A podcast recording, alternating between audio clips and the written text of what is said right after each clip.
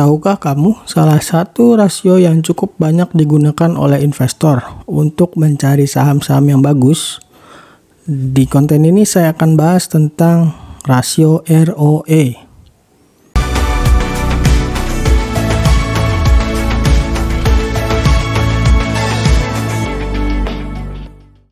Halo, Aryo di sini ketemu lagi sama saya. Seperti biasa, saya akan bahas seputar investasi, pengelolaan keuangan, dan juga bisnis. Tujuannya tentu aja untuk bisa bebas finansial. Kali ini saya akan bahas tentang ROE. ROE merupakan acuan banyak investor dalam mencari saham, eh, terutama untuk mencari saham-saham yang bagus. Banyak investor yang menggunakan rasio ini ketika mencari saham yang bagus karena rasio ini merupakan salah satu indikator perusahaan yang baik. Tetapi kita tidak bisa menyatakan bahwa perusahaan itu bagus cuma karena ROE-nya tinggi. Karena ada juga loh perusahaan yang bagus meskipun ROE-nya rendah. ROE atau Return on Equity itu sendiri merupakan rasio yang membandingkan jumlah pendapatan bersih dengan jumlah ekuitas perusahaan. Sementara ekuitas sendiri merupakan modal dari investor. ROE adalah rasio profitabilitas untuk mengukur, mengukur sejauh mana kemampuan perusahaan dalam menghasilkan laba bersih bagi para para investor atau pemilik perusahaan. ROE biasanya diukur dalam ukuran persen. Semakin nilai ROE mendekati 100%, maka akan semakin bagus. ROE yang bernilai 100% menunjukkan bahwa setiap satu rupiah ekuitas pemegang saham dapat menghasilkan satu rupiah dari laba bersih perusahaan. Perusahaan dengan ROE yang tinggi artinya perusahaan itu mampu memanfaatkan modal dengan baik. Jadi dapat dikatakan bahwa ROE menunjukkan seberapa baik perusahaan dalam mengelola modal investor. Tapi seorang investor yang baik itu nggak cuma mengandalkan ROE saja dalam analisanya, karena ROE yang tinggi terkadang bukan berasal dari kinerja bisnis perusahaan. Bisa aja didapatkan dari sumber lain, seperti merger perusahaan atau bahkan dari rugi bersih dan ekuitas yang negatif. Bahkan ada juga perusahaan yang ROE-nya kecil tapi sebenarnya bagus. Penyebabnya antara lain perusahaan yang terkena dampak force major atau memang perusahaan yang sedang bertumbuh atau melakukan ekspansi. Perusahaan yang bagus dengan ROE yang kecil biasanya perusahaan yang baru turn around atau sedang membangun mod karena kinerjanya belum tercermin pada ROE yang sekarang. Tetapi pada ROE di masa depan, eh, dia kinerjanya akan lebih terlihat. Ada beberapa manfaat penggunaan rasio ROE ini. Yang pertama, menunjukkan tingkat profitabilitas perusahaan. Bagi investor, ROE adalah matriks paling mudah untuk mengetahui seberapa tinggi potensi perusahaan dalam menghasilkan laba dengan adanya return on equity, investor bisa mengambil kesimpulan tentang profitabilitas saham dengan mudah dan cepat. Yang kedua, menjadi dasar estimasi keuntungan bisnis di masa depan.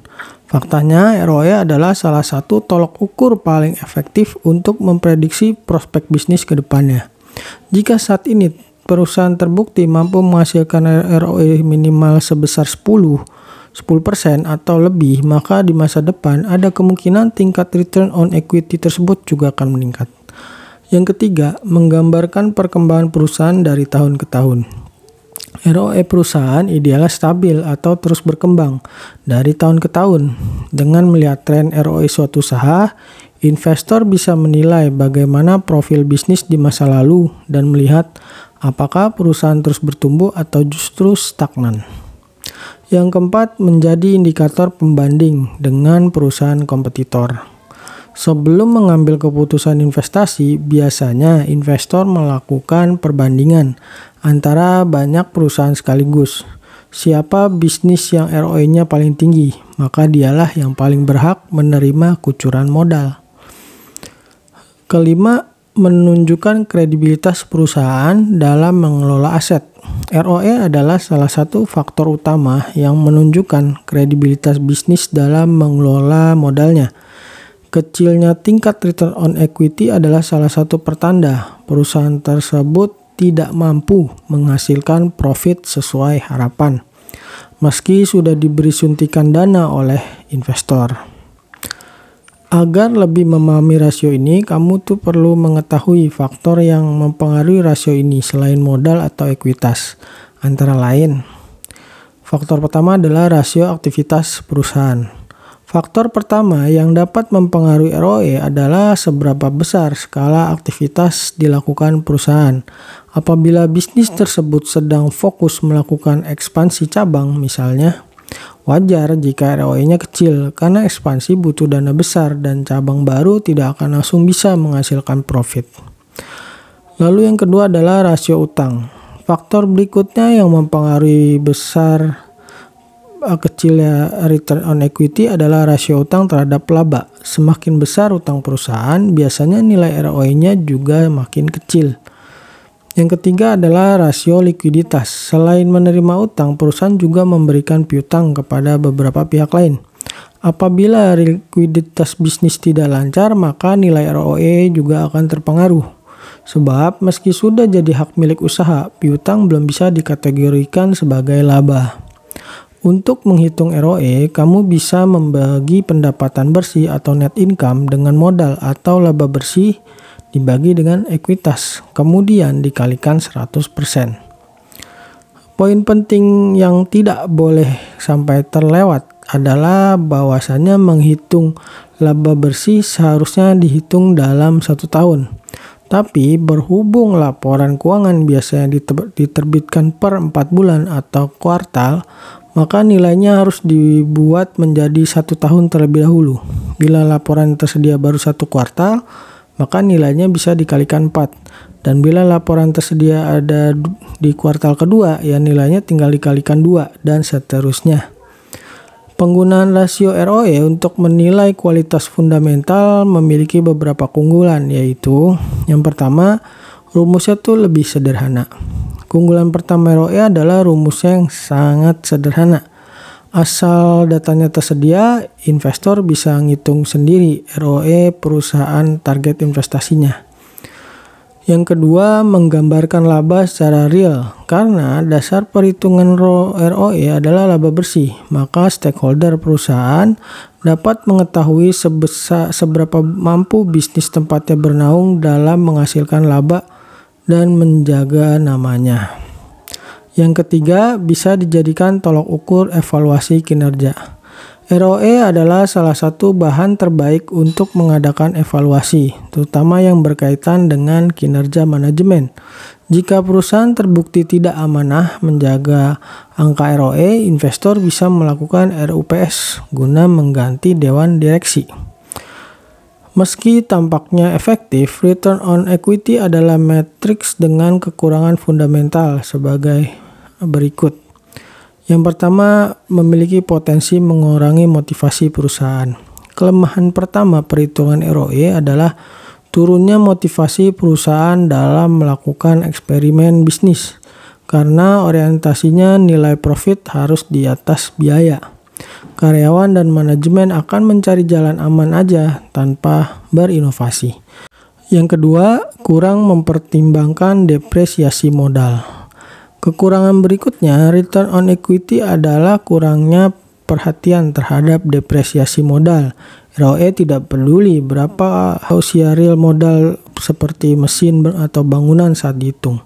Sehingga meski perusahaan sebenarnya stagnan, tingkat ROE-nya tetap tinggi karena pengurangan nominal aset. Ini sangat merugikan investor. Yang ketiga, terkadang tidak sesuai bagi perusahaan yang baru berdiri. Kelemahan terakhir ROE adalah kurang cocok diterapkan pada perusahaan yang baru merintis atau startup. Umumnya, startup tidak akan bisa punya ROI tinggi di awal karena produknya masih dalam tahap perkenalan ke pasar.